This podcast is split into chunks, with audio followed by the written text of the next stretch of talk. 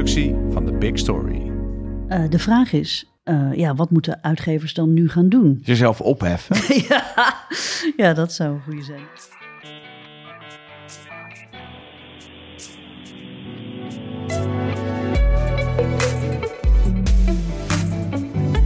Dit is Komt een blad bij de dokter, de podcast van bladerdokter.nl over media-innovatie. Vandaag gaan we het hebben over het veranderende medialandschap met Elger van der Wel. Elger is mediastrateeg en adviseur en uh, heel bekend van de nieuwsbrief Elger. De, hij heeft de nieuwsbrief naar zichzelf vernoemd, waar heel veel mediamensen een abonnement op hebben. Zie daarvoor elger.fm. Elger, ja. welkom. Dankjewel. Ja, ik, ik, ik, mijn naam is zo, zeg maar, googlebaar dat ik alles maar gewoon Elger noem. Want ik denk altijd, ja, ja. dat is wie ik ben. En ik moest ook bij de KVK, weet je wel, dan moet je je inschrijven, dan moet je je naam uh, bedenken. En toen dacht ik, ja, wat doe ik? Ik ga mezelf verhuren aan bedrijven. Laat ik mezelf Elger noemen. Dus het is, uh, ja. Oh, hoeveel Elgers zijn er dan in Nederland? Ja, er zijn er wel wat. Maar oh. niet, uh, dat kun je wel op nou, niet op één hand tellen, maar op, op tien handen kom je denk ik een, eh, een heel eind. Nou, het was de hoogste tijd dat wij eens een podcast op, opnamen, want wij doen eigenlijk hetzelfde, professioneel. Nee, ik blijf heel ver weg van papier hoor. Ja, maar, ik de, maar ik de laatste tien jaar natuurlijk, nou niet, ik, ik, doe nog wel veel tijdschriften, maar um, ik ben natuurlijk ook heel erg bezig met digitalisering. En het veranderende medialandschap. Jij ook. En daar gaan we dan eens een boom over opzetten. Ik begin even met een onderzoek. Uh, want ik hou heel erg van cijfers en dat geeft ook meteen even ehm, de, ja, zeg maar de teneur aan waar dit gesprek in verloopt. Er is een onderzoek geweest van EchoBox. Dat is een stuk technologie die heel veel uitgevers gebruiken voor het distribueren van hun social media content. En die heeft onderzoek gedaan onder 1600 uitgevers wereldwijd. En daaruit blijkt dat 63% van uitgevers zich zorgen maakt over de teleurgang van traffic. Uh, er is iets aan de hand. Het lijkt wel of het social media tijdperk van, van clickbait uh, uh, ten einde loopt. Ben jij het daarmee eens? Zeker. Ja, um, ik, ik, ik, sowieso geloof ik al veel langer dat, dat, dat, dat uiteindelijk onder streep kwantiteit iets is waar je op de korte termijn iets mee kan winnen, maar waar je nooit een merk mee kan opbouwen, mensen van gaan houden. En ik denk dat dat voor je lange termijn strategie veel belangrijker is. Um, en nu zie je ook dat zelfs die kwantiteit niet meer werkt, omdat voor die kwantiteit je afhankelijk bent van allemaal grote bedrijven ja. die uh, allemaal hun strategie aanpassen, omdat ja, in hun belang het niet meer is om jou die traffic te geven, laat het even zo, uh, zo zeggen. Juist. En Facebook was voor heel veel uitge uitgevers natuurlijk een soort heroïne. Uh, nou is de substantie van het, de druk is ook echt veranderd. Uh, daar gaan we het uh, over hebben. nog even nog meer cijfers. Dat is een onderzoek van Chartbeat. en die heeft onderzocht bij 1350 uitgevers, ook weer wereldwijd. Dat in 2018 gemiddeld 27% van alle traffic uit Facebook kwam. En dat dat inmiddels in 2020 uh, 23 is gezakt, of eigenlijk gekelderd, naar nog maar 11 procent. Ja. Nou, dan heb je het in één, uh, in één zin te pakken, denk ik. Ja, het is een beetje over, lijkt het wel, met Facebook. Wat is daar in godsnaam veranderd? Hoe, hoe, zie, hoe zie jij dat? Ik denk dat bij Facebook een aantal um, uh, dingen spelen, maar uh, Facebook heeft met. Facebook is, is ooit heel mede groot geworden op het verkeer van uitgevers. Die maakten leuke content die mensen gingen delen, waardoor ze niet alleen meer um, deelden. Kijk, ik ben op vakantie, kijk, mijn hond doet dit, maar dat ja. er meer werd gedeeld. Dus ja. dat, om, om de tijd die mensen op Facebook uh, spendeerden groter te maken, hadden ze die, die content van uitgevers nodig. En mm -hmm. ze hebben zelfs geprobeerd op een gegeven moment, wat kunnen we die uitgevers nog uh, erin lokken dat ze ook nog de mensen op Facebook blijven. Dus toen kregen we instant articles waarbij ja. jouw artikel op de Facebook server kwam te staan. Dat laden het sneller, maar ook dan uh, bleef jij op Facebook. Ze hebben alles gedaan om... om, om uitgevers om, zijn zelfs betaald. Ja, ja, ze hebben alles gedaan om te kijken, hey, wat kunnen we met die uitgevers doen? Uh, want die content hebben heel hard nodig om, om, om te groeien, maar ook om die tijd, die tijd op Facebook, die mensen daar uh, iedere maand besteden, om die groter, groter, groter, groter te maken. Um, er is een punt gekomen, eh, los van dat niet alles, alles werkte. Dus dan werd je Mhm. een jaar betaald om video te gaan doen, dan werkte video niet. En dan had je een videoteam als uitgever en dan stopte Facebook met betalen en stortte, stortte je hele videoteam en je het videomodel in. Nou, het verhaal hebben we een paar jaar geleden eh, gezien. Maar op een gegeven moment is het punt gekomen dat, eh, dat die, die content, dat er steeds meer zorgde voor ehm, eh, heel veel issues, heel veel problemen. Eh, als we kijken naar het, het Trump-tijdperk in Amerika, is dat een Ja. tijdperk geweest waarin eh, desinformatie en kritiek op Facebook groeide, et cetera. Het eh, Cambridge Analytica-schandaal.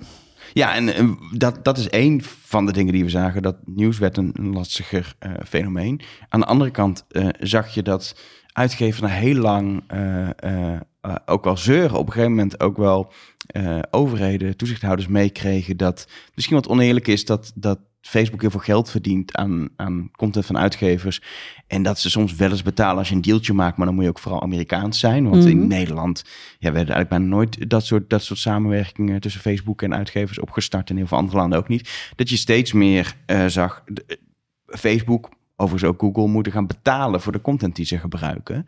Ehm, en dan zie je dat er uiteindelijk allerlei programma's worden opgetuigd die zorgen dat er een deal ontstaat tussen uitgevers en eh, in dit geval Facebook eh, om die regulering nog te omzeilen. Als een soort lobby doen ze dan, we doen een stimuleringsprogrammaatje en we doen een samenwerking. Ja. Maar uiteindelijk zie je toch dat er in sommige landen nu eh, regels zijn. En dan gaat Facebook soms ook compleet op de rem. Dan stoppen we helemaal met nieuws. Of zelfs, ik geloof dat ze nu weer hebben geroepen, we gaan ons helemaal terugtrekken uit Europa vanwege de wetgeving. Ja, Ehm, maar, maar je ziet dat, dat de, nieuws voor Facebook steeds minder interessant wordt en steeds meer gedoe oplevert. Ehm, en ehm, daardoor zie je dat, dat Facebook in het algoritme nieuws minder aandacht geeft. Tegelijkertijd, eh, heel Facebook is natuurlijk, staat onder druk. Eh, gelukkig hebben ze Instagram. Ehm, Mm, eh, zeker. maar wat zie je op Instagram? Instagram draait om video, om beeld en niet om linkjes. Ja, je kan de klinken. gebruiken, maar het gaat niet om, om verkeer naar sites. Dus ook überhaupt het DNA van social media, en dan hebben we nog niet eens over TikTok, verandert van tekst met linkjes, eh, verandert naar beeld en eh, wat je gewoon consumeert op die, op die, op die in het platform, ja. Nou, en in principe, wat je zegt, eigenlijk is het andersom. Hè? Want Facebook heeft dan weliswaar uitgevers betaald voor content. Maar als je het op de keper beschouwt, is het eigenlijk andersom. Uitgevers betalen heel veel aan Facebook om nog wat bereik te kopen. Ook dat. Ja, dat. Dat is natuurlijk ook wat op een gegeven moment Hè, dat organisch bereik is Precies. teruggeschroefd en teruggeschroefd. Vanaf 2018 is dat teruggeschroefd en teruggeschroefd en teruggeschroefd. Alle uitgevers in Nederland hebben last van een dalend organisch bereik. Nou, en wat is het antwoord daarop? Ja, dan, dan ga je je content pushen en boosten en eh, adverteren. En eh, dan is de omgekeerde wereld eh, het geval. Dat je namelijk gewoon geld in de zakken steekt van Mark Zuckerberg. Omdat je nog wat mensen wil bereiken. Ja, maar dat is natuurlijk ook weer. Volgens mij maak je het vergelijking ook, maar het is bijna een soort heroïne voor uitgevers. Ja, het is, het is letterlijk de truc die wel eens door, door, door, door drugsdealers ook wordt gebruikt. Als je iemand eerst gratis geeft, gratis verkeer, maak je iemand afhankelijk van. pushen, heet dat. en dan Ja. moet je ervoor gaan betalen. Eh, en dat is natuurlijk wel iets wat zeker ook gebeurd is. Eh, in het begin, je, je had iets wat enigszins iets deed op Facebook. Mensen, Ja. mensen klikten, mensen reageerden, mensen likten. En dan was het, nou, de sluizen gingen open en dan kwamen de, de kliks binnen. Eh, en op een gegeven moment is Facebook gaan zeggen, nou, Ja. als, je, als, je, als je dat een tijdje hebt, dan, dan, dan gaan, we het, gaan we het algoritme bij jou iets aanpassen en moet je ervoor betalen om datzelfde, eh, diezelfde hoeveelheid mensen te, te bereiken. Nou, en je ziet dus dat, dat de mediamerken die heel erg veel af, afhankelijk zijn van eh, verkeer via social media het echt moeilijk hebben. Eh, ik hoorde laatst van een groot online magazine, die had in, nou zeg maar, twee jaar geleden nog anderhalf miljoen bezoek. Die zitten nu nog maar op een half miljoen. Gewoon omdat de, het verkeer uit eh, social media eh, op een of andere manier is weggevloeid. Eh, ook in het nieuws is natuurlijk eh, de, het faillissement van Vice Media. Ja. Nou, Vice Media eh, kennen we als een eh, nieuwsmerk voor millennials. Eh, maar ook eh, als eh, met al hun submerken eh, over eh, eten. Bijvoorbeeld Refinery 29 eh, in Engeland, heel groot. Engeland, Duitsland en Amerika een heel groot lifestyle. eh, eh, beauty en modemerk. Ook allemaal down the drain. En dat is het freemium model. Hè? Ja. Al je content weggeven, heel erg veel kliks en heel erg veel traffic binnenhalen. En dan leven van het geld wat de adverteerders je geven. Zeker, maar ook, eh, het komt ook voort uit een bubbel waar ook um, BuzzFeed inmiddels zijn gestopt met Ja. BuzzFeed nieuws, want journalistiek blijkt heel duur. Ja, Wauw. i- is, Ehm, is zo. Is zo. Ehm, wat je er ook ziet, dit zijn bedrijven die, die, die opgestart zijn in een tijd dat er werd gedacht dat, zoals je zeg maar start-ups hebt eh, die een dienst aanbieden, Mhm. dat je dat ook met media kan doen. Oftewel, je pompt er heel veel geld in, je gaat schalen, groeien, groeien, groeien. En het echt monetizen komt dan op termijn wel. Ja. Eh, het is belangrijk dat je groeit. Vice heeft volgens mij in die hele digitale periode nooit winst gemaakt. ja. Pin me er niet op vast, want ik heb niet in de boek gekeken, maar dat is volgens mij wat er gebeurd is. Ehm, en dan kun je zeggen, ja, dat komt omdat Facebook bla bla, maar een gegeven moment is dat onhoudbaar als het je niet lukt om winst te maken. En als dan ook, ja, zolang je groeit, willen er investeerders wel geld in pompen. Als die groei dan stokt, omdat je dat verkeerd niet meer krijgt uit bijvoorbeeld Facebook, dan is het heel snel afgelopen. ja, dan is het klaar. Want dat is, dan heb je al je eieren ook in dat mandje gelegd. Ja. En dat is sowieso nooit handig. Een, een, een, een, en die, die heb je natuurlijk veel meer gezien al klein, voor kleinere merken die helemaal bouwden op Facebook of zelfs Facebook video op een gegeven moment. Ja. En dat je, dat je een hele business bouwt op alleen Facebook of net zoals als je op SEO draait alleen op Google, zorg altijd dat je een je bent afhankelijk van die grote bedrijven. Het is bijna niet te doen om zonder Facebook, Google, nou, desnoods zelfs Twitter, LinkedIn, eh, een business te bouwen. Ja. Maar hoe naïef is het, zeker nu met de kennis van nu, om nog op één paard te wedden? Ja, nou en eh, dat niet alleen, maar als we dan heel even kijken naar het businessmodel, want wij gaan vandaag een aantal businessmodellen eh, behandelen, ehm, dan zie je dat dat freemium model, eh, heel, heel veel content, heel veel eh, traffic en dan leunen op het geld van adverteerders ook onder druk staat, omdat de adverteerders weglopen. Die adverteerders hadden vroeger mediamerken nodig voor het bereiken van de achterbannen die daar eh aan hingen. Maar die kunnen tegenwoordig hun eigen target audiences bereiken door social media advertising, door SEA en search engine advertising. En die, je hebt natuurlijk een mediamerk ook helemaal niet meer nodig als adverteerder. Sterker nog, het wordt alleen maar lastiger, want als je eh, geen third-party cookies meer hebt Ja, en eh, geen informatie van eh, mensen meer hebt om daarop te targeten, terwijl Facebook dat nog wel heeft en dat wel aan kan bieden, wordt dat speelveld heel oneerlijk en wordt het alleen maar minder interessant om bij traditionele mediamerken ja. eh, te adverteren. Dus Zeker. En het is wel grappig, want ik heb, ehm, eh, ik zie het al, ehm, nou zeg maar de afgelopen vijf jaar, eh, hoor ik heel erg veel van mijn klanten, en vooral de tijdschriften, klagen over het feit dat er steeds minder advertenties in de bladen staan. En soms, ja, ik, ik krijg heel veel bladen, maar ik koop er natuurlijk af en toe ook nog wel eens een paar. Nou, dan heb je een blad gekocht, plof je lekker op de bank. Ga je bladeren, staan er gewoon helemaal geen advertenties meer in. Of alleen maar advertenties voor, voor henzelf. Ik, ben, ik ben nog eh, op mijn 36e groot Donald Duck lezer. Ah, en de Donald kijk. Duck staat vol met advertenties voor Duck typen. Dan kun je Ja. leren typen bij Donald Duck. Ja. En voor de Donald Duck webshop. En eh, nou ja, allemaal Donald Duck Het dingen. Duck dekbed, Of soms... waar jij ook onder ligt. Dat Nee? net niet. Oh. Eh, of soms een andere eh, titel van DPG nog. eh, maar dat is wat, wat, wat ze doen. En ehm, eh, zij hebben een manier gevonden om het hele merk Donald Duck wat ze hebben op heel veel andere manieren te monetizen. Dus ze hebben heel veel andere producten die ze Ja, via Donald Duck kunnen verkopen. Nou, het lijkt geen betere plek om daarvoor te adverteren dan in de Donald Duck. Ja, zeker. Ehm, maar, dan eh, wordt het eh, blaadje eigenlijk de catalogus van je overige dienstverlening. Maar goed, daar gaan, daar gaan we het straks over hebben als we bij andere verdienmodellen komen. Maar nog even over traffic en de teleurgang van traffic. Niet alleen ehm, Facebook en Twitter hebben het, eh, zeg maar, de kraan dichtgedraaid. Maar ook search gaat veranderen. Kun je daar wat over vertellen? Zeker. Ehm, eh, eh, ik denk ook, me- mensen hebben nu ook over search gaat veranderen. Want is- Mhm. Google heeft in mei Google I.O. eh, gehad. Hun grote ontwikkelersconferentie. Hebben ze allemaal nieuwe dingen laten zien die ze met generatieve AI en van een taalmodel gaan doen. Maar eigenlijk is het al veel langer aan de gang. Als je Ja. kijkt naar Google, eh, vroeger waren er tien linkjes en Mhm. advertenties erboven. Tegenwoordig krijg je eh, informatiebox rechts of soms bovenaan met eigenlijk al het antwoord op jouw zoekopdracht. De zogenaamde krijgt- zero-click. Precies, je krijgt van die, search, van die zo'n, soms vier of acht van die vragen die Mhm. gaan over jouw zoekopdracht. En dan soms, zijn, er- zijn, soms is het heel graag en soms denk je, waar komen die vragen vandaan? Dat is ook gewoon content van de geschreven sites die je dan als antwoord probeert te geven.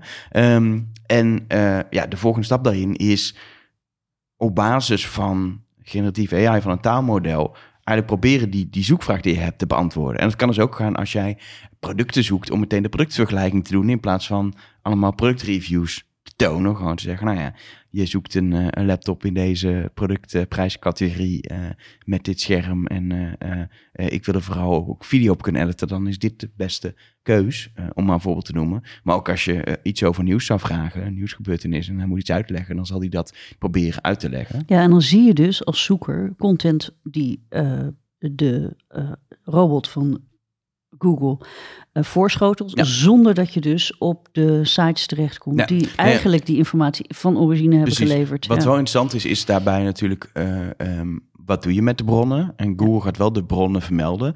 De grote vraag is, en dat weten we eigenlijk nog niet, omdat dit net in een soort, niet eens in Nederland nog, maar in het buitenland, als een soort ja, labsomgeving moet je jezelf aanzetten, moet je een opt-in doen, dan kun je het uitproberen. Um, maar uiteindelijk ja, gaan mensen klikken op die bronlinks. Dat is eigenlijk de vraag, dat weten we niet. En dit is mhm. natuurlijk ook een eerste stap. Dit ik ook op die manier uittesten. Kijk, wat Google wil, Google wil, heeft als doel alle informatie van de wereld ontsluiten. En niet als doel jouw linken naar uh, die websites. Ja. Um, dus als ze alle informatie in de wereld kunnen ontsluiten in hun eigen domein, en dat ook nog kunnen monetizen. Want een deel van de monetization nu voor Google, waar ze geld aan verdienen, zijn natuurlijk die gesponsorde links. En het wordt een beetje raar ergens als je Google krijgt met alle informatie en nog twee gesponsorde links. Dus ze zullen ook andere advertentievormen moeten gaan vinden. Nu, Google Canada lukt dat ze uiteindelijk ook wel. Um, maar het is, het is nog een zoektocht. Dus wat we weten is, Google gaat steeds meer proberen jou in Google, niet alleen op de site, maar ook steeds meer in, in natuurlijk app vorm het antwoord te geven. Ja. Uh, en dat gaat waarschijnlijk ten koste van verkeer naar jouw site. Dat zou bij de ene soort content veel sterker zijn dan bij de andere soort content. Maar als jij als uitgever de afgelopen jaren heel erg, erg hebt ingezet op een SEO-strategie, dan ga je traffic mislopen. Ja, zeker als je allemaal van die uh, evergreen SEO-content hebt gemaakt met, uh, met heel feitelijke informatie die je, die je wilt delen. Of hoe moet je dit doen? Of hoe werkt dat? Of, uh, ja, ja how-to content. Ja, ja, juist die echte SEO-content. Dat is de eerste die sneuvelt. En bij nieuws is echt wel de vraag, ja, wat gaan ze daarmee doen? Um, dat, dat is echt, dat vind ik echt zo giswerk. En dan kan, kan ik allerlei scenario's verdelen, maar vind ik, vind ik echt nog te ver weg. het nou, eerste dat gaat sneuvelen zijn gewoon vragen die gewoon sec beantwoord kunnen worden. Waar nu natuurlijk gewoon dat het gevecht is om bovenaan in Google te komen met jouw antwoord. En straks is Google zelf degene die het antwoord geeft. Nou, en zeker voor content die je op heel erg veel verschillende bronnen kunt vinden. Hè? Dus stel voor, uh, typisch van die uh, lifestyle content, uh, hoe bak je bananenbrood? Ik zeg even Dorstraat. nou, er zijn nou, misschien wel 500 recepten in het Nederlands beschikbaar. Ja, dat ga je niet, daar ga je niet meer naar op een link klikken. Dan krijg je gewoon een recept wat de Bart heeft uh, samengesteld op basis van verschillende bronnen. Ja. En dan is het jammer voor je traffic. Het punt is natuurlijk wel, die bronnen moeten er wel zijn. Dus mhm. als die traffic instort en niemand zet meer de recept online voor bananenbrood, waar had Google dan, oké, okay, bananenbrood weet hij nu voor altijd, maar voor nieuwe dingen, voor nieuwe informatie, waar had Google het dan op een gegeven moment vandaan? Dat is ook nog een, een, een, een onbeantwoorde vraag waar ze natuurlijk intern al wel over aan het nadenken zijn. We moeten wel iets doen waardoor die content blijft bestaan. Dus het is, ik geloof ook niet dat, ja, maar daar, dat search daar, daar zou, daar helemaal verdwijnt als verkeersbron, maar hij wordt wel veel minder groot. Ja, en, en dat is juist uh, het punt voor uitgevers. Uh, uh, ik ik denk dat heel weinig uitgevers zich hiervan bewust zijn. Van het feit dat dit echt op het punt staat om heel erg te veranderen. Zowel je traffic uit search als je traffic uit uh, social. Überhaupt traffic. Het, het traffic tijdperk is wel echt voorbij. En ik, wat, ik, wat, ik, wat ik grappig vind, het komt allemaal tegelijk. Uh, um, uh, BuzzFeed Nieuws, Vice en alle AI-ontwikkelingen.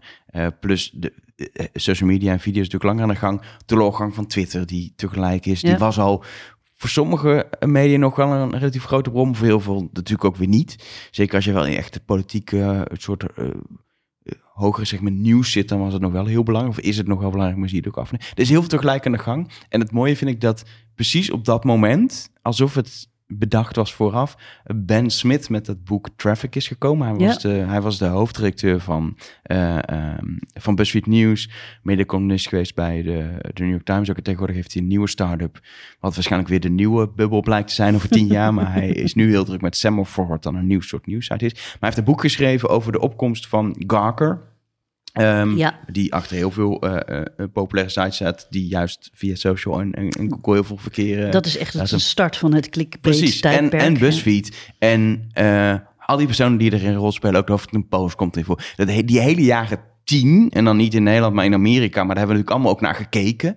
En waar we toen dachten, alle kranten gaan dood, want dit is de toekomst. Ja. Ik zelf dacht dat ook. Ehm, dat, is, dat, dat boek komt nu uit en als een soort memoires op, op die tijd. En eh, alles wat wij nu bespreken, komt er eigenlijk in terug, eh, wat er gebeurd is. Ehm dat boek komt op dat moment en het is, daarmee sluiten we het af voor mijn gevoel. Ik ben, ik ben nog niet klaar met het boek, ik ben het aan het lezen, maar voor gevoel is dit, dit, is, dit zijn de memoires van dat traffic-tijdperk. Ja. Ehm, en we hebben ideeën en we zien natuurlijk ook wel langer een ontwikkeling. Het is niet van de een op de andere dag, maar ontwikkeling waar het eventueel heen zou kunnen gaan. Maar ik denk dat we het, net zoals tien jaar geleden dachten we dat het dit werd, ehm, hebben we het nu misschien ook weer fout. Of moeten we er rekening mee houden dat je, dat je niet een definitief model hebt.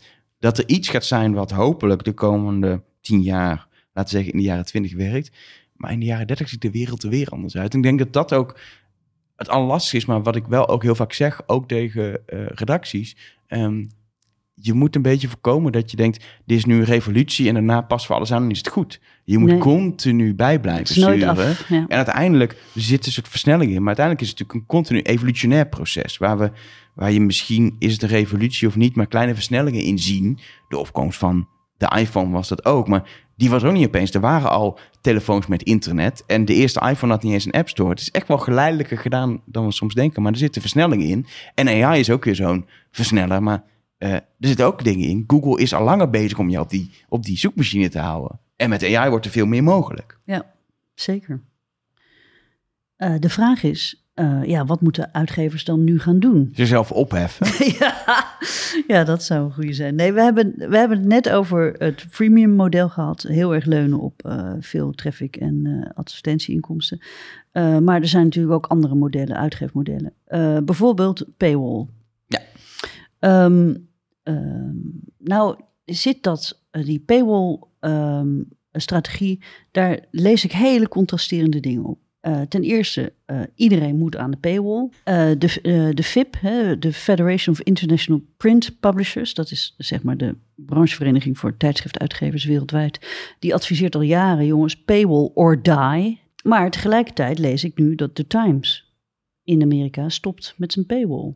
Dus het, hier ook weer een enorme splagaat en een balans. Uh, um, uh, dus we gaan het heel even over paywalls hebben. Nou, jij, jij adviseert daar heel veel over. Uh, wat zeg je dan tegen je klanten? Um, ben jij van de paywall or die of ben jij van de, nou stop er maar mee, het heeft toch geen zin? Ik denk dat het heel afhankelijk is van wie je bent. Mm -hmm. Weet je, en niet alleen wat je te bieden, maar ook wie je merk is. Um, want niet alles werkt achter een paywall. Er is genoeg quality content waar je inderdaad überhaupt kan afvragen, is er een verdienmodel voor op termijn? Mm -hmm. um, uh, die je niet achter een paywall kan zetten. Je moet wel iets, iets, uh, iets bieden. Um, en ja, uh, er is ook maximaal hoeveelheid dingen waar mensen voor kunnen en willen betalen. Dus als echt alles achter een paywall komt, dan, dan, dan, dan werkt het ook niet. Dus je moet heel duidelijk denken, ik heb iets te bieden. Ik, heb, ik zit in een niche waar, waar ik ook de nummer één bron voor mensen ben op gebied van X. Mm -hmm. uh, en dan kan een paywall ontzettend goed werken. Um, maar dat, je, je ziet ook dat er niet één model is. Je hebt gewoon de harde paywall. Jij wil hier toegang toe. Maar dit is een tolweg betaal. En je Ja. hebt ook het model. Ja, wij werken heel hard. Wij maken hele eh, bijzondere journalistiek. Zie welke tegels wij hebben gelift. Uh, wil je ons helpen bij dit doel, bij deze missie? Ja. Uh, hier is paywall. Je hebt zeg maar Follow the Money, Ja. die dat heel erg doen. Die het hartstikke goed doen. die hè? dat heel goed doen, op die groeien manier, als kool, ja. Maar die, natuurlijk die mensen, natuurlijk, dat helpt ook als mensen vaker terugkomen. Al die clichés zijn waar, maar mensen steunen veel meer, is veel meer steunen bij het goede werk wat Follow the Money doet, dan dat je per se toegang wilt tot die content. En je ziet sommige tijdschriften nog heel harder gewoon tot hier en niet verder. Dit is betaald. Succes Ja, ik heb, uh, wij hebben twee podcasts opgenomen met de mannen van Follow the Money. Dus het is echt wel leuk om terug te luisteren voor uh, degenen die daar geïnteresseerd in zijn. Dan gaat het ook heel erg over paywall-strategie. En Jan-Willem Sanders, uh, uitgever van Follow the Money, zegt ook... mensen betalen niet voor de content... Nee, mensen betalen om ons te helpen uh, toekomstig onderzoek mogelijk te maken. Nou, dat vind ik ook een hele goeie. Ik geloof ook echt niet dat aan, er, aan content een prijskaartje moet hangen. Nee. En zeker niet aan content die je overal onder elke stoeptegel kan vinden. Uh, eh, eh, denk even aan heel veel lifestyle content en heel veel van die niemendalletjes die heel veel uitgevers nog eh, online eh, eh, leggen. Nou, en, en wat, ik, wat ik bijvoorbeeld een mooi voorbeeld vind, de Telegraaf heeft Mhm. misschien ook iets met mijn persoonlijke mening over Telegraaf te maken. Maar die hebben ook een paywall, bijna op elk stuk, zelfs op alle shownieuwtjes. Ja. En dan is het verhaal wel zo'n boodschap van, help onze journalistiek, bla bla. Ik denk, je bent de freaking Telegraaf. Hoezo Mhm. moet ik je helpen met, met dit? Waarom die, waarom die manier van de paywall eh, wegzetten? En daar denk ik ook, ehm, een heel groot deel van wat ze achter de paywall gooien, zijn er geen, nog steeds op dit moment andere manieren om dat uiteindelijk beter te monetizen. En dat is een hele lastige spagaat. Wat is, wat is het Geef daar eens een voorbeeld van- van. nou, bij, bij, bij de Telegraaf denk ik dat zij nog steeds heel veel verkeer hebben en krijgen. En dat je ook, ik ken de cijfers niet, eh, daar nog best wel wat eh, direct verkeer hebt. Wat je Mhm. prima met advertenties ehm, nog steeds zou kunnen monetizen, maar ook ehm, spin-off producten, spin-off merken die ze hebben die je verder eh, Ja. zou kunnen... Ja, want dat is het grote, grote ehm, eh, probleem ook. Als je alles achter een paywall zet, ja, dan verlies je natuurlijk je, een groot deel van je bereik. En daar zijn je adverteerders dan weer niet blij mee. Dat is natuurlijk een soort catch-22. Ja, dat, dat, en dat, dat vind ik altijd heel interessant of heel, heel, heel, ehm, ja, eigenlijk onbekend. Ik, ik heb wel eens ook met een klant gewerkt waar ik eh, die heel draaide op advertenties, goede tarieven had, maar ook eh, een paywall en, en dure abonnementen. En ja, de salesafdeling wil natuurlijk meer mooie advertentieposities, Mhm. waardoor de hele ervaring voor de abonnee, die veel betaalde, minder werd. En toen heb ik gezegd, wat is de, wat is de customer lifetime value? Hoeveel levert iemand op in een ab- abonnee?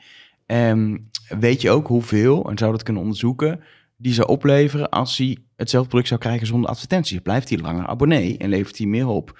En kijk dan ook naar hoeveel je aan advertenties verdient onder de streep in die periode. Ja. En kijk dan wat levert meer geld op. Want dan kun je goede beslissingen maken over ga je voor meer advertenties of stop je helemaal met advertenties. Maar ja, die vraag blijft onbeantwoord. En is het Ja. dus giswerk. En zie je in uitgevers dat de salesafdeling en de marketingafdeling die het betaalde product verkopen, eigenlijk bijna in tweestrijd zijn met elkaar. De marketingafdeling wil geen product met advertenties eigenlijk. Die wil een mooi product Mhm. wat, wat, wat zo fijn mogelijk is voor, de, voor het publiek. Ehm, en wat zo goed mogelijk verkoopt. En waar mensen zo lang mogelijk abonnee blijven, zo mogelijk voor betalen. En de salesafdeling krijgt ieder jaar hogere targets om advertenties te verkopen. Eh, en daar zitten die, die paywall zit in de weg, omdat Ja. die eh, verkeer... Homepage takeover. Ja, maar dat. Ja. Hoe, dus, en Ja. je hebt ze, hè? Je hebt, misschien inmiddels niet meer, maar je hebt, ja, ik denk AD, eh inmiddels ook heel veel bezig met natuurlijk abonnementen de laatste jaren. Ehm gaan ook nog vol de homepage. Bij AD ben ik nog steeds verbaasd over de soort dubbele ehm, eh, strategie Ja. die eh, ja, werkt, anders zou het niet doen, maar die heel geen contrast voelt. Want het is nog steeds een deels een clickbait-fabriek ehm, en met overal advertenties en ik word helemaal gek van alle eh zooi die je eromheen krijgt. En je betaalt voor steeds meer artikelen. En daar heb ik ook nog het idee dat mensen bij het AD bijvoorbeeld veel betalen eigenlijk voor de lokale content, omdat er niet zoveel concurrentie is. Mhm. Dus om de toegang te krijgen moet je wel betalen. En ze vragen niet zoveel voor een digitaal moment. Dus dan, dan werkt het wel om dat op die manier te doen.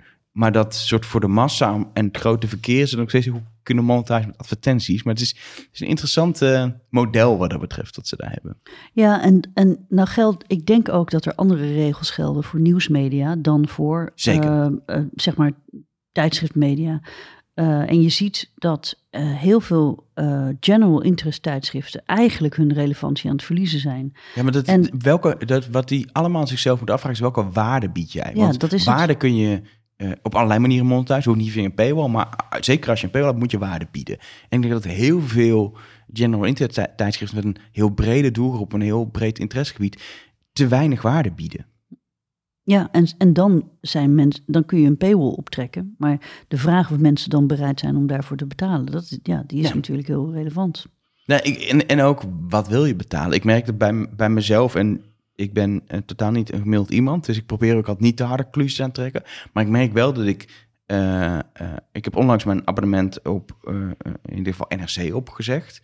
Want ik betaalde 22,50 per maand voor NRC en ik vond dat best wel veel. Ja, Terwijl wat kreeg, ik kreeg iedere dag digitaal dan een, een hoeveelheid pagina's met artikelen waarvan ik een heel groot deel doorbladen niet las. En ik kon online onbeperkt achter die betaalmuur. Maar ik vond het veel geld wat ik kreeg. Ja. Terwijl ik ben geabonneerd op nieuwsbrieven of media, dat soort dingen, waar ik een tientje per maand betaal. Dat is iets minder dan de helft. Maar dan krijg ik drie nieuwsbriefjes per week met in principe één artikeltje per nieuwsbrief. Dus per stuk content betaal ik voor die nieuwsbrief, nou, misschien wel 100 keer tot 500 keer meer dan ik bij NRC betaalde. En bij NRC vond ik het veel. Bij nieuwsbrief denk ik, oh, goede deal. Ja, maar dat komt omdat die nieuwsbrief waarschijnlijk precies in je niche. Die levert straatje waarde. ja. En de NRC ja. levert ook wel wat waarde, maar gewoon, ik wil een beetje op de hoogte zijn wat er in de wereld speelt. Ja. Punt. Ja, En dat is, dat, is, dat is met natuurlijk heel veel hobbytijdschriften ook. Als jij ehm, geïnteresseerd bent in koken, ja, waarschijnlijk ben jij geïnteresseerd in specifieke, ben je misschien meer geïnteresseerd in specifiek bakken, of je bent heel geïnteresseerd in eh, de Italiaanse keuken, of juist Aziatische keuken, of zelfs Japanse keuken. Ehm, ja, als je dan een soort breed food magazine hebt, dan, dan lever je te weinig waarde om mensen te laten betalen voor alles. En ik denk ook dat, het klinkt er som, maar dat sommige mensen wel gevoel hebben als ik, heel, als ik betaal voor iets wat ik eigenlijk niet nodig heb of niet wil of zelfs slecht vind. Eh, zelfs de Telegraaf mij een aantal goede stukken zou geven waar ik voor wil betalen. Heb ik het idee dat ik ook betaal voor die, voor die eh, privé nieuwtjes Ja. die achter de paywall staan. Dus dan verwatert het zelfs de waarde van een abonnement voor mensen wat je maakt en wat ze niet willen hebben of zelfs verafschuwen. Nou, en ik, eh, wat ik ook eh, altijd adviseer als we het over paywalls hebben bij onze klanten, dan, eh, nou, je kan alles achter een paywall zetten, maar ja, dan, dan kunnen nieuwe klanten ook helemaal niets proeven van de waarde die je biedt. Nou, je kan ehm, ehm, alleen maar sommige dingen achter een eh, paywall zetten. Eh, en, nou, en dan wordt er vaak een hele slechte keuze gemaakt. En ik vergelijk het altijd met een, eh, met een etalage en, en een schoenenwinkel. Nou ja, je hebt een, een paywall en je zet alleen je nieuwtjes eh, voor de paywall. Eh, die zijn dus eh, gratis te lezen. Nou, dan heb je etalage en daar liggen je slippertjes van een tientje. En je Laboutins van eh, dr- eh, 500 euro, die staan dan in de winkel. En niemand heeft dan door wat jij bent. Ja, ze denken, oh ja, ik heb alleen dat ik daar de slippertjes kan krijgen.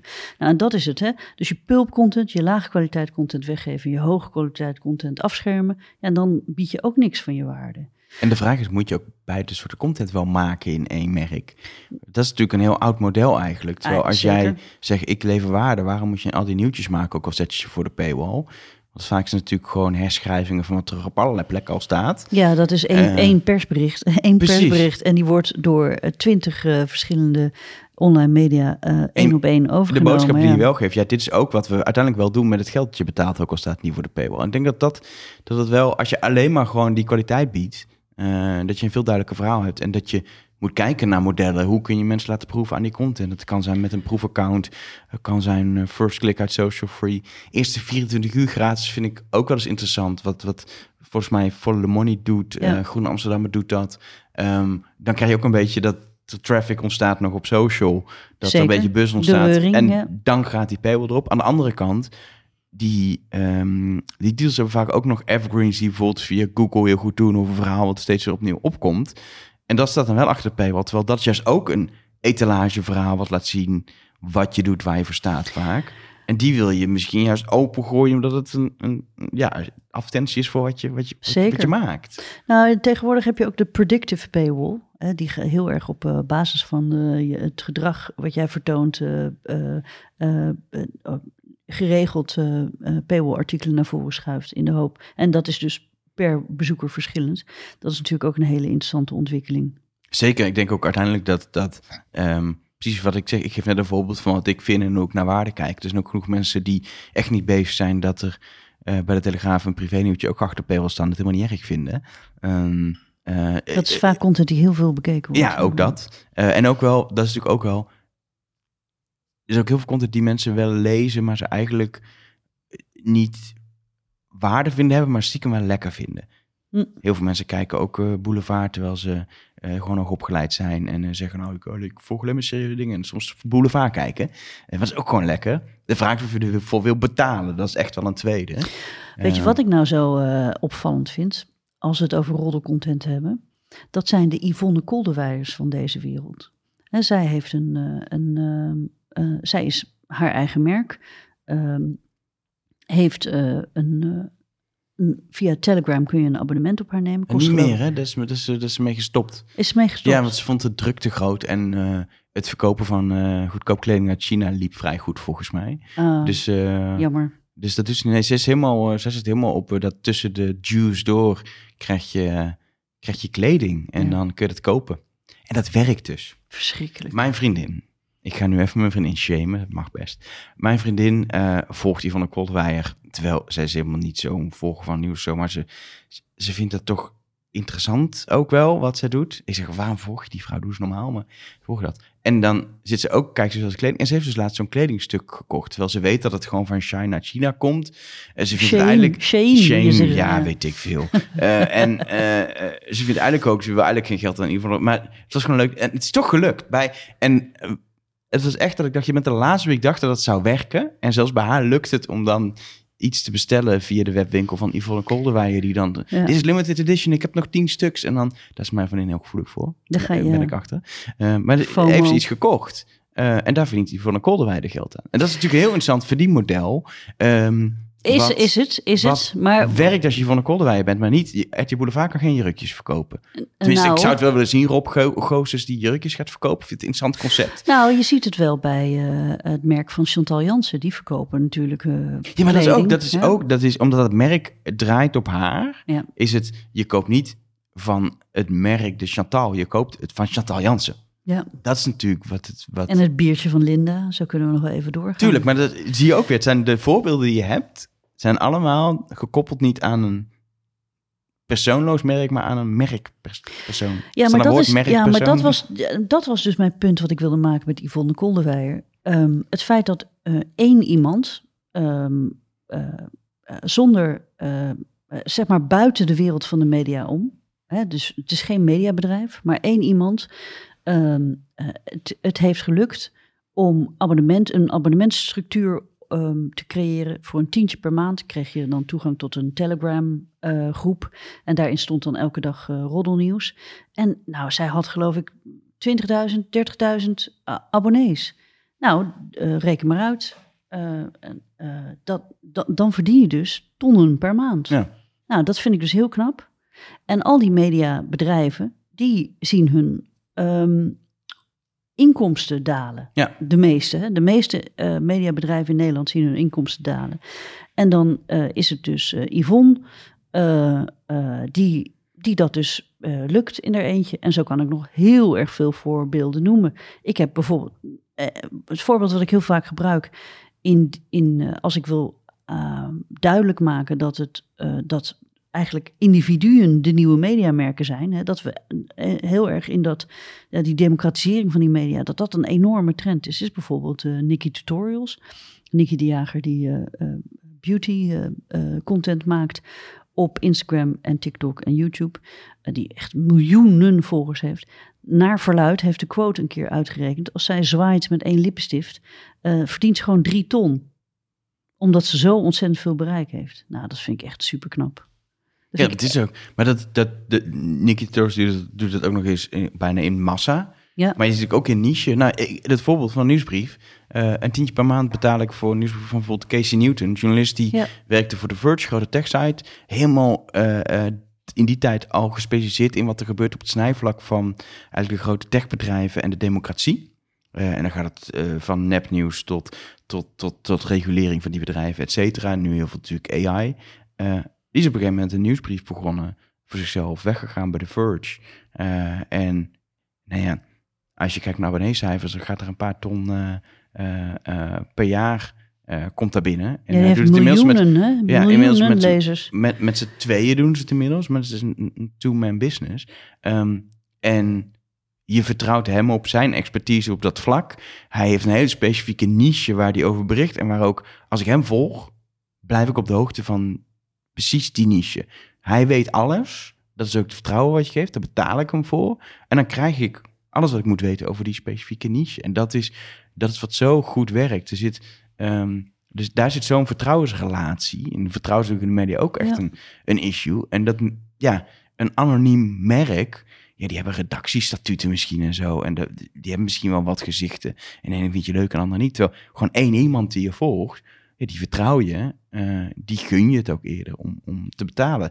En zie je het succes van, eh, eh, van, van podcasts die om donaties vragen. Zeker. Er is geen uitgever die een podcast kan maken en dan een donatie kan vragen. Je kan proberen te zeggen, wil je ons helpen bij het maken van een podcast, neem een abonnement op X. Ja. Maar je gaat niet, je krijgt het niet gemonetized met zeggen, hier hebben we Nou, een vriend van de show eh, voor onze podcast van Redactie X. Ja, nou wij maken best wel veel podcasts. Niet alleen deze, maar ook andere. En eh, er is er één waar nu ook geld mee voor wordt verdiend. Dus het, het kan wel, podcast maken en geld verdienen. Nou, daar heb Oh, jij zeker, zelf zeker. natuurlijk ook ervaring mee. Ik, als, ik, eh, ik, maak een podcast over Easy Mall Trust Nobody. Eh wij hebben bijna, bijna 10% van onze luisteraars betaald. En dan gaat het om, om 3 tot 10 euro per maand. Er komt gewoon 6000 euro per maand kijk, eh, binnen aan, aan, aan donaties. Waar ze ook wel dingen voor terugkrijgen overigens.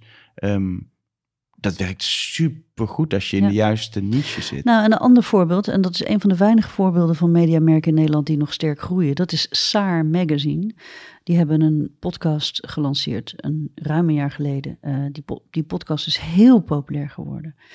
En ehm, halverwege de podcast zijn ze dus ook eh, reclame gaan maken voor abonnementen. En daar zit dus een enorme stijgende lijn in. Dus, nou, dat, en nou is dat wel een, eh, een, een community voor eh, vrouwen van 50 plus. Ehm, en ehm, ik luister ook altijd naar de podcast. Ik ben ook 50 plus. maar dat zijn nog printkopers. Ja, zeker. En dat is wel iets wat heel veel mediamerken ehm, eh, goed snappen. Dat print, dat is leuk voor 50-plussers. Maar niet meer voor eh 50-minners, want die kopen geen papier meer. Nee. Zo is het. Dat is wel de realiteit. Al, al, al zie je nog wel bij, bij, bij een hoogopgeleide 50 min groep dat de weekendkrant met het bijbehorende magazine, dat kost natuurlijk ons reep ook allemaal niet zoveel, Nee. dat dat nog wel een of andere manier iets doet. Maar ook echt de weekendkrant. Het is wachten tot de eerste krant zegt, we stoppen ook gewoon maandag met vrijdag met papier. En dat is het moment, ik voel elke keer dat het nabij is, maar het- niemand durft de eerste te zijn. Ja, maar ik verwacht wel dat dat eh, in 2024 gaat gebeuren. Dat, denk- ik denk misschien nog wel dit jaar. Nou, dan gaan we een, eh, Ik ga maar een beetje op. En welke we- wordt het dan? Welke krant? Ja, daar zetten we een goede fles wijn op. Dat, ja. is, eh, dat is een goed idee. Ehm, eh, maar dat is bij de tijdschriften heel erg anders. Want nogmaals, dan gaan we weer terugvallen. Op, ik denk dat er een hele andere ehm, eh, consumptiecyclus is Zeker. rondom nieuws dan om rondom eh, lifestyle of magazine Ja. content, special interest, general interest, fuck interest. Ehm, overigens, ehm, ik denk dat de grootste bedreiging voor uitgevers dan niet zozeer uit eh, die teloorgang van traffic komt, eh, de AI en search een grote verandering, eh, de worsteling ehm, to paywall or not to, paywall, maar dat eh, dat medialandschap zo drastisch aan het veranderen is. En er zijn twee hele grote trends die ik met jou wil bespreken. Eén, de, eh, het- feit dat video en eh, vooral verticale video zo enorm in opkomst is. En twee, dat is eh, zeg maar de makersbeweging. Die, Ja. Wat ik al eh, eerder schetste, de democratisering in de media. Het feit dat mediamerken eigenlijk al heel lang hun monopolie verloren zijn. En dat nu individuen opstaan die met de juiste niche, de juiste doelgroepen weten te, te trekken. En dan vaak ook via die con- videocontent. Ja, en da- daar sta je dan aan de zijkant, eh, aan de zijlijn eh, naar te kijken. En dan denk je, poeh, dat, er gebeurt wel wat. Ja, maar ook dat je, je kan erop acteren. En dat is een beetje het ding. Je kan, als jij een redactie hebt met mensen die gespecialiseerd zijn op X of Y. Mhm. Kijk, de vraag is, als die mensen succes hebben, waarom in hemelsnaam in loonies blijven bij een tijdschrift uitgeven? Ja, zeker als je het Ehm, heel goed kan. Ja, Ja, eh, maar eh, in principe ehm, kun je, kun je die mensen, als ze een specifieke expertise hebben, een nieuwsbrief geven en tijd geven om die te maken over dat specifieke onderwerp. En, En een, punt is en een ook- TikTok-kanaal. En een, en een persoonlijke, een, een, een, een, een, zeg maar een personal, hele personal branding strategie. Zeker, en ook, ehm, en dat is ook dan vaak wat er dan gebeurt. Maak daar het ook onderdeel van een abonnement. Ja. Eh, en dat zie je natuurlijk ook vaak. Nieuwsbrieven bijvoorbeeld, die worden dan altijd gezien. Dat is nieuwsbrieven zijn een conversiekanaal. Die moeten voor traffic zorgen of die moeten eh, zijn een stap wat logisch is in de conversie naar betaald abonnement. Maar juist als je gaat kijken naar specifieke niches en de personen die je daarbij hebt op een redactie, maak nieuwsbrieven alleen voor abonnees. Want die nieuwsbrieven die geven ontzettend veel waarde over een specifieke niche waar mensen in geïnteresseerd zijn. Als je die gratis gaat weggeven, waar ga, wat ga je dan nog monetizen? Ja, en, en dan bedoel je met niche eigenlijk anders dan waar mediamerken naar kijken. Nou, daar, daarbinnen, kijk naar elke site, er zit altijd weer verticals in. Dat zijn alweer niches. Of, of, of soms nog, kan je nog een stap, stap specifieker gaan. Ja, en dan niet eh, een niche zoals eh, bij de libellen eh, koken, wonen, tuinieren en gezondheid. Maar echt veel dieper Ja. nog. Hè? Veel Wonen, ja, dat Ja. gaat van mensen die, die, die een huis graag met antiek voor, volzetten. En daarin heb je, ik ben geen antiek expert, maar natuurlijk ook weer allemaal subdingen. Maar het is ook voor mensen die, die voor een Scandinavische inrichting gaan. in hun Of tiny mensen- house. Ja. Precies, nee, dat, Nee, maar dat, ja, maar ook alleen, dus, alleen dus nog veel diepere niches dan, dan die normale verniezerisering die je nu ziet. Precies, en daar moet je nadenken over. Dat zijn niches die je niet bedient met een redactie, met alle overheid die daarbij hoort. Dat zijn niches die je bedient met een persoon. Ja. En dat is natuurlijk ook de, de traditionele, doordat er, door dat drukken eh, van, van, van print, eh, dat doe je niet even in je eentje. Ehm, en alle overheid die daarbij komt kijken en opmaken, et cetera. Je had heel verschillende mensen nodig. Terwijl als jij nu een, een, een, een website, eh, nieuwsbrief, een TikTok-account, eh, in principe heb je één iemand nodig. Je telefoon. Ja. en als je dat als traditionele uitgever gaat doen, je hebt nog steeds al die overheid. Dus het is veel duurder om dat vanuit een uitgever te doen, Ja. ehm, dan dat vanuit een individu. En dan kun je nog zeggen, ja, er is een soort kracht van de uitgever die het grote bereik heeft, et cetera. Maar die wereld is, is, is al lang eh verleden tijd door de kracht van, van social media. En juist van een platform als TikTok, waar Ja. je niet meer het draait om volgers, maar om de, de content die je maakt en de interesse die mensen hebben. Eh, je kan vanaf dag één op TikTok een viral video maken Ja. die, die honderdduizenden tot miljoenen, eh, als het in het Engels is, views haalt. Ja, Eh, en dat- en je hoeft niet eerst al je volgers op te bouwen. Nee, en dat is, eh, dat vind ik. En dan als we ook even gaan kijken naar het veranderende mediaconsumptie, hè, dan zie je nu dat ehm, eh, heel, veel, heel veel grote groepen consumenten die, nou, die, die hadden vroeger een directe relatie met hun mediamerk, of via print of via direct verkeer. Eh, die hadden toen een indirecte ehm, eh, relatie met print, vooral via Facebook, en vooral via search. Maar die gaan nu eigenlijk daarvan weg. Die zitten op platformen zoals Instagram en eh, TikTok, de twee snelst groeiende platformen. En dan laat ik Snapchat en heel even rusten, want dat is echt voor hele jonge gebruikers. Hè, maar TikTok en Instagram, hele snel groeiende platformen in Nederland. Daar consumeren mensen uren aan verticale videocontent. En ze gaan nergens meer heen. Ze Onderschap, blijven. onderschap YouTube ook niet, die ook steeds meer Zeker. verticaal inzet. En YouTube Shorts, ja. Eh, maar daar gaan ze nergens meer heen. Ze blijven in dat platform en Ja. daar vindt de consumptie plaats. En dan is video de belangrijkste eh vehikel. En het zijn niet de grote mediamerken die daar eh, een- de content maken, maar het zijn dus de, de, de makers, de Ja. individuen. Ik wil het woord influencer niet gebruiken, want daar heb ik nogal een hekel aan. Maar eh, Het zijn ook niet altijd creators. Ja. Er zijn influencers die het doen, die zichzelf ook zo zien. Maar er zijn ook heel veel makers die ook niet zeggen... ik ben influencer, maar ik ben maker. Die het ook Ja. doen vanuit de, wat ik maar even noem, de ambacht van... ik wil iets moois maken en daarmee een, een publiek bereiken. Ja. En eh, ja, dat is inderdaad, dat is vanuit een merk gewoon... je staat al één om achter bijna als je dat vanuit een merk doet. Want het gaat alleen maar om de, om de, om de personen. Zeker. En wat ze te, te vertellen hebben en wat ze meemaken. En nou, ik zie, ik heb zelf, eh, ik zie het zelf aan mijn eigen gedrag ook. Ehm, ja, ik, ik zit echt, nou, ik denk dat ik per dag wel twee uur in TikTok zit. Het is echt heel erg. Dit is de reden dat ik het dus niet gebruik. Nee, Want oh, als ik het een keer... Dan het is een zwart gat. Ja, nou, dat is het elke er keer. Als ik het een uit. keer, als zodra ik het een keer open, dan, dat is niet, dan kan, wil je soms gewoon, omdat je een filmpje wil kijken of denkt, oh, toch eens even kijken, toch ook mijn vak, wat op TikTok gebeurt. Maar dan, dat kan niet, je kan niet een minuut en ook niet vijf minuten TikTok kijken. Nee, dus dat kan niet. en ik heb niet de tijd om eh, twee Ja. uur TikTok te kijken. Dus ik, ik, ik kom er weinig. Zeker omdat ik al veel te veel tijd aan Instagram besteed.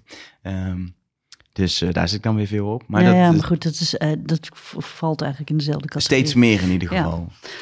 Nou, wat ik, eh, wat ik heel interessant vind is ehm, eh, hoe die algoritmes. ehm, eh, hoe die algoritmes werken. En dat is ook de reden waarom ik erop ben gegaan. om, dat is gewoon beroepsdeformatie. Maar hoe ontzettend goed die algoritmes Ja. zijn. En eh, hoe je al heel erg snel door sommige dingen wel uit te kijken en sommige dingen niet uit te kijken, dat zo'n algoritme snapt wat jouw interesse is en daar nog veel meer content voor Ja. oplijnt.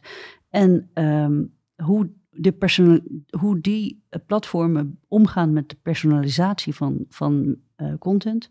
Ja, dat vind ik echt fascinerend. Kijk, en dat is natuurlijk ook interessant aan, aan videocontent. Dat je zo goed kan meten hoe lang iemand eh, kijkt. Ja. Eh, maar ook door de interface waarin je heel snel wegswipet, eh, kunnen ze heel snel heel veel data opdoen. Wat je bij tekstcontent eigenlijk bijna niet kan, tenzij je complete screen recording zou doen bij mensen. Maar dat is lastig.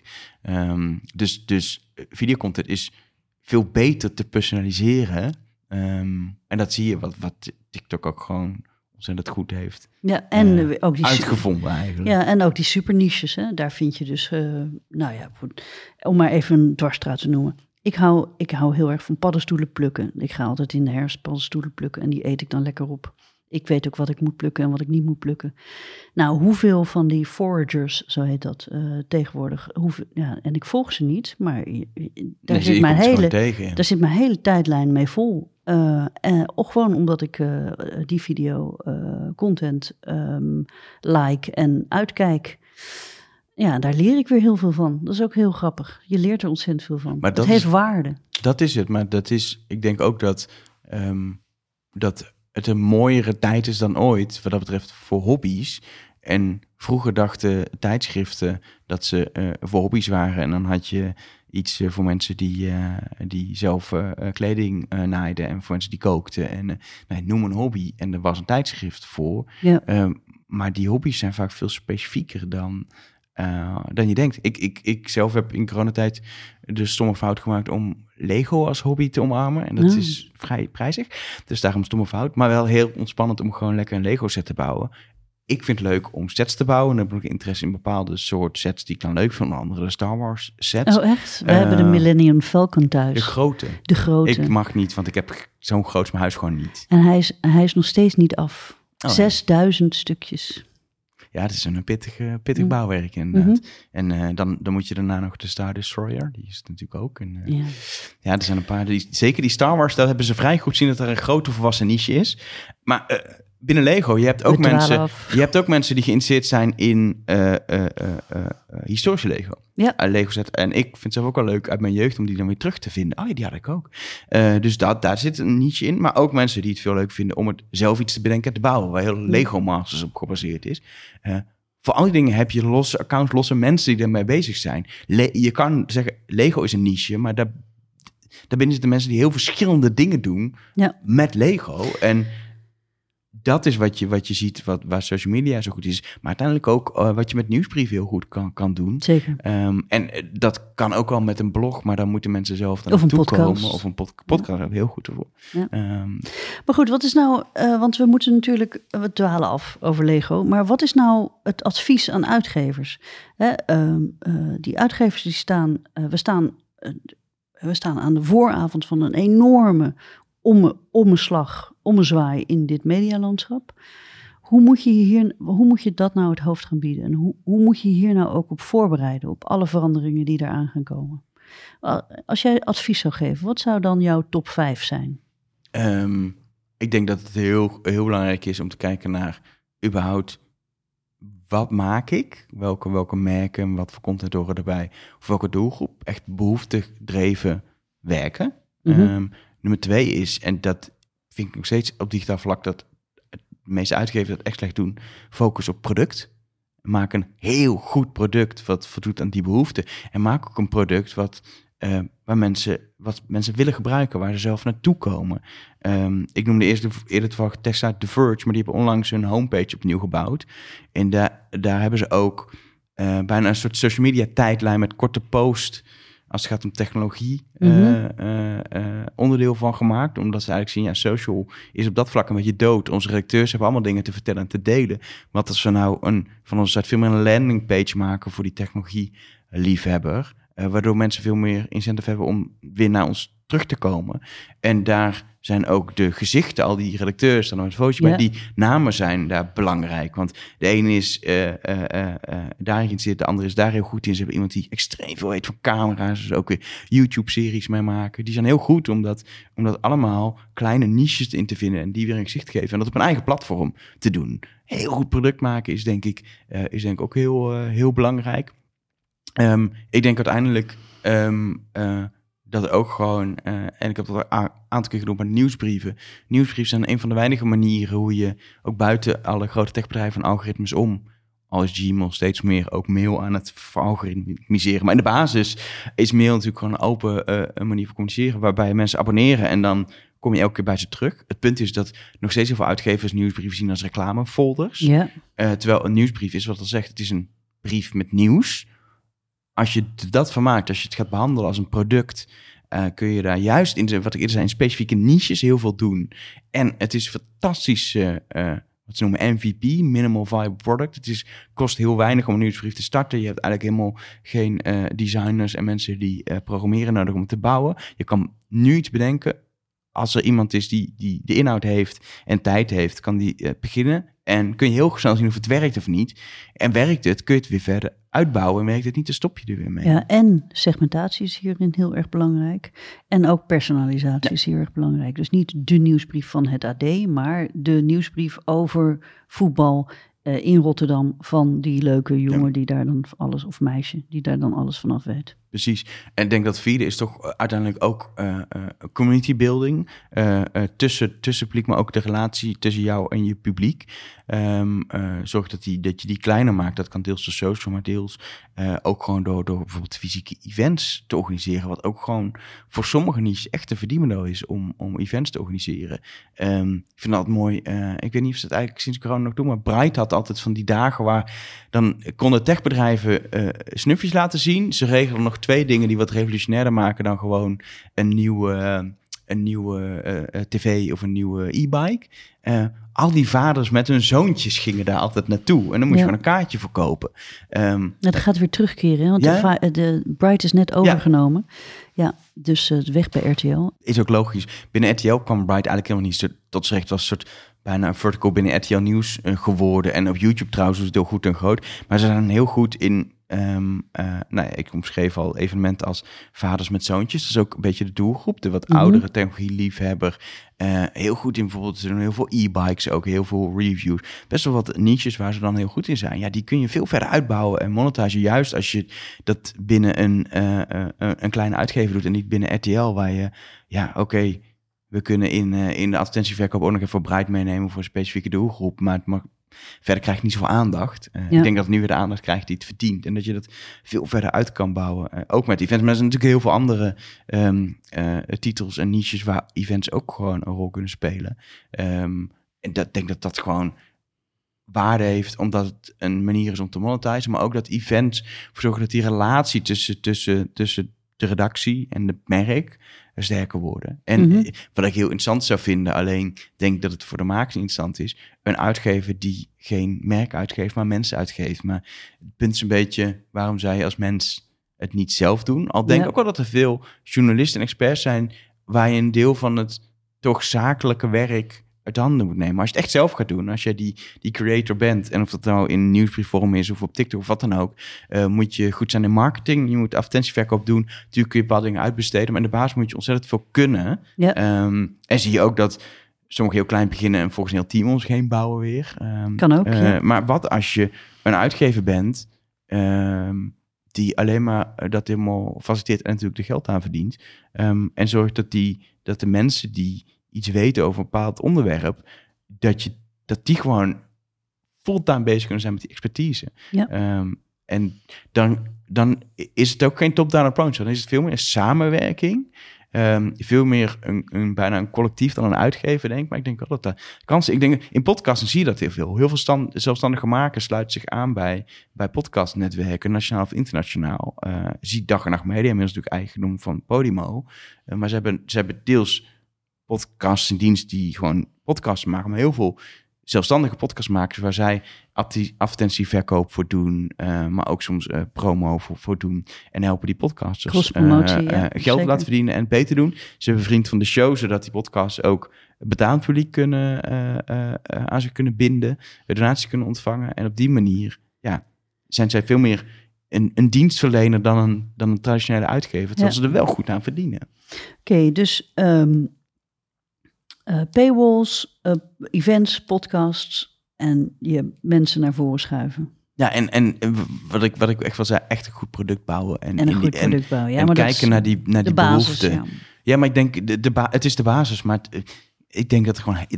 Ik ben heel kritisch ook, denk ik. Maar er zijn zoveel slechte producten. Ja. Ehm, en ehm, zoveel... ehm, bijvoorbeeld ook heel veel media met een app waar je af kan vragen... waarom heb je een app? Ja, omdat je nou eenmaal een app moet hebben als media. Ehm, net zoals dat heel veel media tegen podcasts zijn gestart. Want je moet toch een podcast hebben, want iedereen heeft een podcast. Terwijl, welke behoefte voorzie je in? Ja. Wat ga je maken? Dat moet het uitgangspunt Dat is een zijn. beetje het shiny new thing syndroom. Ja, daar en- hebben wij, we hebben daar ehm, een tijdje terug een podcast over opgenomen. Dat ging over kanaalstrategie. Hoe bepaal je je kanaalstrategie? Dus, dus daar eh, verwijs ik dan de luisteraars ook even naar. Maar dat is, ook- dat is ook, ik hoor als media klagen, dan moeten we nu weer TikTok doen. Ik zeg, je hoeft helemaal niet TikTok te doen. Nee, je moet, Maar als jij denkt dat jij een doelgroep kan bereiken en iets kan maken wat waarde heeft, dan moet je het doen. Maar dan moet je ook eens gaan kijken wat je dan niet meer gaat doen. Want het, het is niet plus, plus, plus, plus, plus. Het is elke keer als je plus en iets nieuws. Je moet altijd een soort, vind ik, tijd hebben, budget hebben of tijd of hoe, je het ook wil zien, om nieuwe dingen te proberen. Maar wordt die definitief, betekent ook dat je iets anders minder gaat doen. zeker. En eh, als er iets is waar, nou niet alleen media, maar iedereen slecht in is, is op tijd ook weer weten waar je mee moet stoppen. Stoppen. En gewoon heel scherp keuze maken. Dit doen we niet. Nou, en als ik eh, advies moet geven, dan zou ik zeggen: stop, eh, maak minder content. Want er is namelijk te veel content in deze wereld en je krijgt het gewoon niet meer kwijt. En als je al je energie op de redactie steekt in het maar blijven vol pompen van dit medialandschap en nog meer niemendalletjes, dan ben je verkeerd bezig. Ja. Dus maak minder content, maar van een veel betere kwaliteit. En eh, zorg, en dat is ook de essentie van eh, uitgeven, het is gewoon relatiemanagement. Je bouwt relaties en zorg dat je dat ook doet. Als jij eh, als uitgever heel erg blij bent dat je 300.000 mensen op je site hebt, maar je hebt geen idee wie dat zijn, dan heb je een probleem. Eh, want, want dat is, daar gaat het niet om. Het gaat om het feit dat je relaties bouwt. En, en, en ook qua eh, paywall-strategie en, ehm, ehm, en ook qua de teloorgang van social media eh, en kliks naar je site, is het zo dat die relaties opbouwen dus het allerbelangrijkste zijn. En inderdaad, events en nieuwsbrieven, wat je al vertelde, dat, die dragen heel erg goed bij aan het opbouwen van een relatie. Ja. En ook eh, een, een, een dynamische paywall kan daar een hele belangrijke strategie bij zijn, zodat je ehm, mensen toch eh, content geeft gratis. Eh, en uiteindelijk overtuigt om er een betaalde klant van, te, van te maken. Maar dat is het. ehm, en die relaties bouwen, ja, dat lijkt me in, in deze sea change, waar we nu mee, mee bezig zijn met dat lands, medialandschap wat zo aan het wijzigen is, lijkt me dat eh, voor uitgevers de number one priority. Ja, zorg dat je een relatie hebt en opbouwt met mensen. Want als je straks eh, Facebook echt om, omkiepert, zoals dat Twitter eigenlijk al een beetje ingekakt is, ja, wat, wat hou je dan nog over? Ja, en, en wat dat betreft denk ik ook dat je moet nadenken over hoe, eh, hoe ga je dat als, als metrics in je organisatie nemen, die relatie bouwen. Ja. Waar bereik, of dan wordt het op een gegeven moment time on page dan belangrijk wordt. Definieer wat is voor jou een, een loyale eh, lezer, een loyale bezoeker, wat is een, wat is een fan. Eh, definieer die en ga daar metrics op bouwen. Iemand die betalend is en minstens één keer per week langskomt. Ja. En ga kijken hoe je daarop scoort. En ook hoe bepaalde artikelen dan daarop scoren. Dus niet op, oh, dit is een oh, hitje via, via Facebook. Oh, wat fantastisch. Kijk eens wat het dagbereik nu is. Nee, hoeveel van die eh, core audience die je hebt, je loyale bezoeker, komen nog op het artikel en heeft dan echt waarde. Als die juist helemaal niet komen, verwater je misschien zelfs je merk en dan heb je allemaal Zeker. eenmalige bezoekers binnen die jou niks opleveren. En dat is denk ik ook wat je zei, eh, eh, minder content maken. Het einde van dat traffic tijdperk is een kans om eindelijk eens te stoppen met al Ja. die rondpomp content die iedereen van elkaar overschrijft en waar je uiteindelijk heel veel tijd en energie eh, in kwijt bent. En ik zeg ook altijd dat het vaak onderschat op redacties, maar redacties hebben ook heel veel te maken met heel veel mentale belasting van allemaal taakjes en dingetjes die heel weinig tijd kosten, maar je allemaal aan moet denken. Dus je moet een kort nieuwtje schrijven. Nou, eh, als je een beetje getraind bent, kun je dat in een kwartier. Mhm. Eh, maar dan moet er nog op social gedeeld worden gezet. Dus elke keer ben je super veel actie en dingen aan het doen die allemaal zorgen dat je niet gewoon aan een goed verhaal kan werken. En als jij zorgt dat je eh, veel minder van dat soort dingen hoeft te doen, wat nu een kans is omdat het toch niet meer het verkeer oplevert, eh, denk ik dat je dat je mentale ruimte vrij kan spelen om mooiere dingen te doen. En als je ook de social post dan nog, weet ik veel, door AI kan laten maken, ook geen omkijken meer naar hebt, Kijk, ga je alleen maar mooiere content kunnen maken. En ik denk echt dat dat, dat, dat wordt onderschat, eh, eh, omdat alleen maar naar die dashboard wordt gekeken, naar, naar, naar, naar, naar het bereiken. Oh, we hebben weer een goede dag, want we hadden weer een, een, een viral hitje te pakken. ja, zeker. Nou, dat zijn wijze woorden. Ik denk dat we er een punt achter moeten zetten, want we zijn al een uur aan het praten. Eh, heel interessant. de clichés zijn waar dat we nog een uur door kunnen waarschijnlijk. Ja. Elger, ik wil je heel erg bedanken voor dit gesprek. En. Dit gaan we binnenkort nog een keer doen. Dat is goed. Dit was Komt een blad bij de dokter, de podcast van bladerdokter.nl. Elke maand hebben we nieuwe gesprekken met bladermakers en hoofdredacteuren over de ontwikkelingen in het vak. Op bladerdokter.nl kun je alle gesprekken terugvinden, of beter, abonneer je via Apple Podcast of Spotify. Bladerdokter publiceert elke maand een nieuwsbrief met interessante artikelen over magazines, vol nieuws, achtergronden en analyses. Je kunt je inschrijven via bladerdokter.nl.